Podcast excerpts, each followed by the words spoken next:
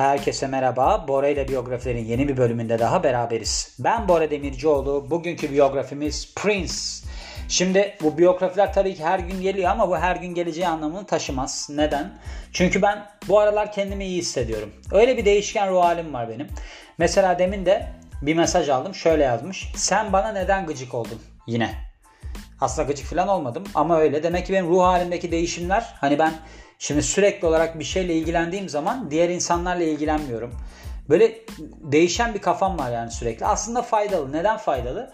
Çünkü böyle olunca insanlar sizden hiç sıkılmıyorlar. Sizin insanlardan sıkılma şansınız artıyor. O bir artı. Yalnız kalıyorsunuz. Nişe gibi. Nişe'nin de biliyorsunuz neydi onun ismi? Salome miydi? Salome diye bir kadına aşık oluyordu değil mi? Ona aşık oluyordu. Sonra ondan bir şey alıyordu. Evlilikte red alıyordu. Sonra deliriyordu falan. Ona doğru gidiyorum ben. Daha teklif etmedim. Teklif edeyim ondan sonra delirmeyi düşünüyorum. Bir de şu var. Ben şimdi antrenör olduğum için bugün bir konuşmamız oldu. Uğur var benim dans hocamdır aynı zamanda. Beraber spor da yaparız. Çok da iyi sporcudur yani. Benim kafamda bir insan. Ama benim kafamda olmayan bir tarafı var. O da oruç tutma kısmı. Yani ben semi fasting, intermittent fasting yapıyorum. Aralıklı oruç. Diyorum ki belli bir saatten sonra yemeyeceksin. Uğur bunu anlayamadı bir türlü. Yiyor yani 12'de yedim diyor filan. Dedim ki niye yiyorsun Uğur sen? Dedi ki akşam dedi benim dedi yapacak bir şeyim olmuyor. Yemeğe sarıyorum. O an dedim ki haklısın. Çünkü dedim ben akşamları çeviri yapıyorum. Mesela ben 10 gibi 10.30 gibi oturuyorum. 1.30-2'ye kadar. Şu anda saat kaç? 1.44. E Bora gene çeviriyi yeni bitirdi. İşte biyografi yapıyor filan. Çok iyi oyalayıcı. Formumu da buldum yani. O sebeple hani bu evet böyle devam ediyor ama ben yeni bir şey bulana kadar. Şimdi ben biyografileri falan çok seviyorum. Yeni bir şey bulun bana yeni bir oyuncak. Biyografiler böyle bir arada gelir falan. Seviyorum onu yaparım her zaman. Bir de Besin Piramidi diye başka bir podcast'im var benim mesela. Ona da devam ederim. Çünkü çok ilgimi çekiyor. Bugün ona mesela böbrek taşı nasıl oluşur diye bölüm ekledim. Muazzam hoşuma gitti yani. Dedim ki aa dedim bak dedim bunlar şeymiş bu böyle oluyormuş. Bunlara dikkat etmek gerekiyor falan. Yani insanın sürekli kendisini yenilemesi lazım. Bunlar da niye anlattığımı bilmiyorum ama iki dakikanızı yedim böylece. Doğum tarihine bakalım Prince'in. Bir Prince'den başka bir Prince'e geçiş yapıyoruz. Doğum tarihi 7 Haziran 1958. Minneapolis, Minnesota. Amerika doğumlu. Ölümü 21 Nisan 2016 57 yaşındayken öldü. Bu adamın uykusuzluktan öldüğü söyleniyor biliyor musunuz? Hani uykusuzluktan ölüyorum falan derler ya. Bu adam gerçekten de ölmüş. Yani öyle bir durumu var. Çünkü bir de şöyle deniliyor. Çok uyuşturucu kullanmış. Uyuşturucu psikolojisini bozmuş. Bir şeyler olmuş. Sonra 10 gün uyuyamamış. Sonra da ölmüş. Also known as kısmında yani ismi asıl Prince Rogers Nelson. Boyu 1.60. Ben dün Natalie Portman'ı yaptığımda galiba bahsettim bundan. Dedim ki kadın 1.60'dan kısa olmayacak, erkek de 1.70'den kısa olmayacak. Ya Prince oldu mu bu şimdi yani? Ben kadının taban boyunu verdim. Sen gittin Prince olarak 1.60 boyunda çıktın. Yani bu adamın zaten öyle bir durumu var. Hani boyu çok kısa ve kafası çok büyüktü. Hatta bu adamın bir evliliği oldu. Orada da bir çocuğu Pfeiffer sendromu olmuştu. Nedir Pfeiffer sendromu? Şöyle kafatasındaki kemiklerin birbirine yapışması gibi bir durum onda. Böyle çocuk doğdu öldü zaten sonra bir hafta sonra. Öyle bir şey var. Ben bayağı takip ediyorum. Ben Prince'in biyografisini bu arada yapmayı çok isterdim biliyor musunuz hep? Yani bugüne kısmet oldu. Kimdi? Sadece Prince olarak tanınan Prince Rogers Nelson, Amerikalı şarkıcı, söz yazarı ve Minneapolis Sound'unun öncüsü kabul edilen çoklu enstrüman çalan kişisiydi. Multi-enstrümantalist. Gösterişli buna da flamboyance deniliyormuş İngilizce'de. Güçlü sesi ve eklektik davranışlarıyla tanındı ve müzik dünyasında nadir görülen bir şekilde 40 yıllık bir kariyeri sürdürdü. Dünya çapında 100 milyonluk satış rakamıyla tüm zamanların en çok sanat, en çok satan sanatçılarından biri oldu. Bir piyanist ve caz şarkı, şarkıcısının oğlu olan Prince'e müzikal yetenekler kalıtsal olarak geçti ve anne babası tarafından küçük yaşlardan itibaren müzikte kariyer yapmaya teşvik edildi. E, ne anne babalar var. Ben anlattım daha önceden. Annem de ben iş hayatında giyerim diye beni 6 yaşındayken sert ayakkabılarla tanıştırmıştı. Ben de antrenör oldum. Anne babasının rehberliğinde müziğe karşı derin bir sevgi geliştirdi ve 7 yaşındayken melodiler yaratmaya başladı. Ayrıca kendi kendine piyano, gitar ve bateri çalmayı da öğrendi. Profesyonel bir şarkıcı oldu ve kendi adını taşıyan albümü Prince'le bolca popülerlik kazandı. İç gıcıklayıcı şarkı sözleri ki bu adamın biliyorsunuz böyle seksi şarkı sözleri var. Yaratıcı besteleri ve funk, dance, rock öğeleri içeren müziği sayesinde kendi neslinden farklı bir konuma geçti. 57 yaşındaki zaman sürümüne kadar çok başarılı bir kariyeri oldu. Rolling Stone tarafından Prince tüm zamanların en büyük 100 sanatçısı listesinde 27. sırada yer almaktadır. Çocukluğuna gelelim. Babası piyanist ve söz yazarı, annesi caz şarkıcısı. Çocukluğunda epilepsi nöbetleri geçirmiş bu adam. Sonra ne olmuş onu anlamadım. Biliyorsunuz Joy Division diye bir grup var. Love Will Tear Us Apart. İşte başka ne vardı onun? Lose, Lose Control müydü? Öyle bir şarkı, şarkıları da var hatırlamıyorum şimdi. Onun Ian Curtis var vokali. O epilepsi krizleri sebebiyle kendini astı. Yani epilepsi zor bir şey hastalık. Bunun geçti herhalde bilmiyorum. Genç yaşta müziğe ilgi duymaya başladı ve anne babası tarafından cesaretlendirildi. 10 yaşındayken anne babası ayrıldı ve sonraki birkaç sene anne babasının evlerinde yani iki evin arasında mekik dokudu. İlk grubu Grand Central sonraları Champagne olmuş. Grand Central'ı 14 yaşındayken kurdu. Kariyerine bakalım. Benim bu adamla ilgili çok anılarım var yalnız. Onu da söylemek isterim yani. Şu. Mesela bizim bir tane yardımcımız vardı. Kardeşimi büyüten kişidir yani Ayşe'ydi ismi. O böyle 90'lı yıllarda bir MTV'nin bir kaçak yayın gibi bir şey vardı. Yani her televizyon kanalında olmayan, her antende olmayan ama bazı antenlerde olan bir MTV yayını vardı. Yabancı yayın. Orada Prince çıkardı. Ben çok korkardım biliyor musunuz adamdan? Bayağı da büyüktüm yani 12-13 yaşında.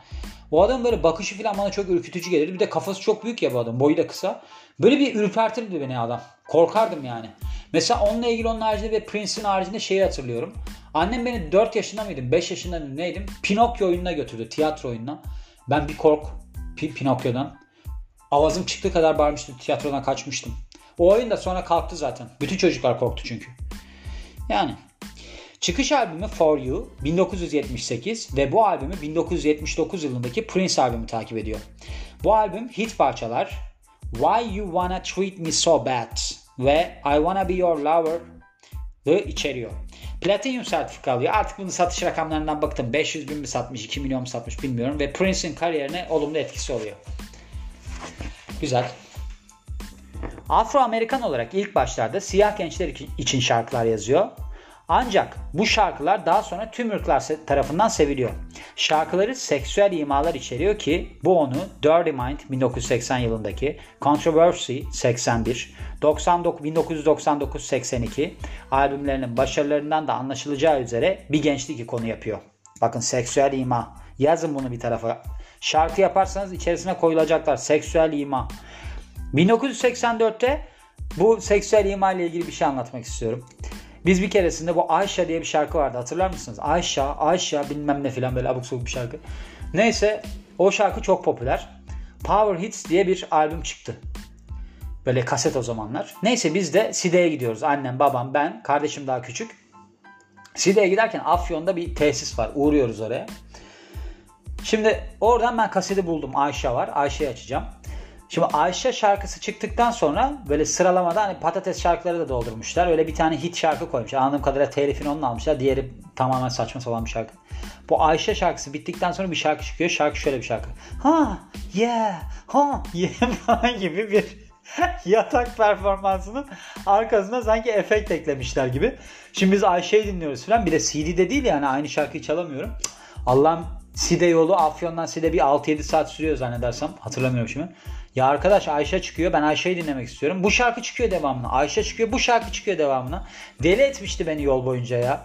Hiç ses yok ama bizde. Biz Ayşe'yi dinliyoruz. Sonra o şarkı çünkü herkeste bir ölüm sessizliği arabada. o şarkı da geçiyor. Ben zaten o sıralar uyuyor gibi davranıyorum bir şeyler. O aklıma geldi birdenbire. Hani böyle bir seksüel ima deyince. 1984'te Purple Rain albümünü yayınlıyor. Albüm Amerika'da 13 milyon satıyor ve Billboard 200'de 24 hafta boyunca peş peşe bir numara oluyor. Aynı yıl aynı adı taşıyan rock müzikal drama filminde rol alarak ilk film performansını da gerçekleştiriyor. Film kült klasik oluyor. Bu film yanlış hatırlamıyorsam siyah beyazdı. Prince mahallenin bıçkın delikanlısını oynuyor. Fırlama, bıçkın böyle filan. Üzerinde mor bir ceket vardı yanlış hatırlamıyorsam. İçinde de hiçbir şey yoktu. Pazarda filan dolaşırken böyle hani Gülşen Bubikoğlu'nun Prince versiyonu gibi. Böyle elmayı alıyor falan işte. Oğlum yapma etme üzerine silip yiyor filan. Yanlış filmi hatırlamıyorsam böyle bir filmdi bu. Bir de yani hani o imaj ne arkadaş? Tamam sen çok fırlama bir gençsin de yani o içinde gömleğinin olmadığı, çırılçıplak olduğun ve üstünde sadece bir ceketinin olduğu imaj nereden çıktı? Neyse öyle bir şey hatırlıyorum yani. İnşallah yanlış filmi hatırlamıyorum. Muhtemelen o ama siyah beyaz diye hatırlıyorum. Bir kıza aşık oluyor filan bir şeyler. Sonraki birkaç yıl boyunca kapsamlı turneler yapıyor ve Parade 86, Sign of the Times 87, Love Sexy 88 ve Batman 89 albümlerini yayınlıyor. Tüm albümler uluslararası başarılar kazanıyor. 90'larda yeni bir destek grubu olan. Bu destek grubu herhalde bu arkadaki şey. New Backing Band demiş yani. Böyle arkada hani destek veren böyle buna bir grup herhalde ne bileyim ben. Olan New Power Generation'la performans sergilemeye başladı. 93 yılında sahne adını erkek ve kadın sembolleri var ya hani böyle kadın yuvarlaktır artıdır erkek de yukarıya doğru oktur yuvarlaktan. Bir kombinasyonu olan telaffuz edilemeyen bir sembol yapıyor sahne adını. Sembol kısa bir süre sonra aşk sembolü olarak adlandırıldı. Şimdi bu dişilik sembolü Yonca Evcimik'in ilk çıktığı zamanlarda vardı. Böyle bir kolye takardı. Kim takardı başka biliyor musunuz? O kolyeyi. Bora Demircioğlu. Bisiklete binerdi, kolye takardı, eldiven takardı ve şapka takardı. Üstünde demir böyle bir şapkası vardı onun normal şapka. Demir bir yazı yazardı üstünde. O kadar havalıydım ki. Annemler de derdi ki o kadın şeyi onu takma sembolü filan. Yani şunu demek istiyorum. Feminizm akımının ilk temsilcilerindenim ben. Onu da söylemek isterim yani. Bu Asya yakası beni çok iyi tanır. Bisikletim, kolyem, kadın sembolü bunlarla çok iyi tanır. Sembol kısa süre sonra aşk sembolü olarak adlandırılıyor. Çift dikiş oldu bunu okumuştum. 90'lar boyunca hit albümler yayınlamaya devam ediyor. 2004 albümü Musicology ile kariyeri iyice tavan yapıyor. Albüm international hit oluyor, uluslararası hit oluyor ve Amerika, İngiltere, Almanya'da ilk 5'e giriyor. Turnelere devam ediyor ve 2007 yazı boyunca Londra'da 21 konser veriyor. 2009 Montreux Jazz Festivali'nde iki performans sergiliyor ve sonraki yıl Avrupa turnesine çıkıyor. Mayıs 2015'te Baltimore'da polis vesayetindeyken ölen Afro-Amerikan vatandaş Freddie Gray için protestolar başlayınca Prince Baltimore adlı bir parçayla Gray'e saygısını gösteriyor ve protestocuları destekliyor. Ayrıca bir Gray'e saygı konseri de veriyor. Büyük işlerine bakarsak Purple Rain albümü müzik tarihinin en iyi albümleri arasında ve Prince'in magnum opus olarak nitelendiriyor. Yani en iyi işi olarak. 22 milyon dünya çapı satışla en çok satılan 6. orijinal soundtrack. Yani orijinal film müziği mi? Film müziği evet. Sign of the Times albümü funk, soul, psychedelic, pop ve rock öğeleri içeriyor ve If I Was Your Girlfriend, Housequake ve It gibi mega hitler içeriyor. 89'da Time Out Magazine tarafından tüm zamanların en iyi albümü seçiliyor. Ödüllerine bakarsak 1985'te Purple Rain ile Best Original Song Score Oscar alıyor. 32 kez Grammy adayı oluyor. 7 kez kazanıyor. Bunlar arasında 85 yılındaki Purple Rain Best Rock Performance. Bir de 2005 Musicology ile Best Traditional R&B Performance var. 99 ve 1999 ve Purple Rain albümleri Grammy Hall of Fame Award'a layık görülüyor. Yani Hall of Fame onur listesi ödülü. Herhalde bu artık listelerin de listesi. Ayn Rand'ın oynadığı film vardı ya King of the Kings. Hani orada tanışmıştı adamla evlenmişti falan onun gibi bir şey herhalde. Kişisel yaşamına bakarsak Kim Basinger bakın Madonna, Vanity, Sheila E., Carmen Electra ve Susanne Hoffs'la ilişkileri olmuş. Kim Basinger çok güzel kadın biliyor musunuz? 9,5 haftaydı değil mi Mickey Rourke'la beraber? Çok güzel kadın. Bakın bu tam benim tipim bir kadın ha Kim Basinger. Çok beğeniyorum bu kadını. İsmi bile böyle bir içimi gıcıklıyor bu kadının benim. İlk bunu niye biyografisini yapmıyorsun diye soracak olursanız bilmiyorum. Bilemiyorum.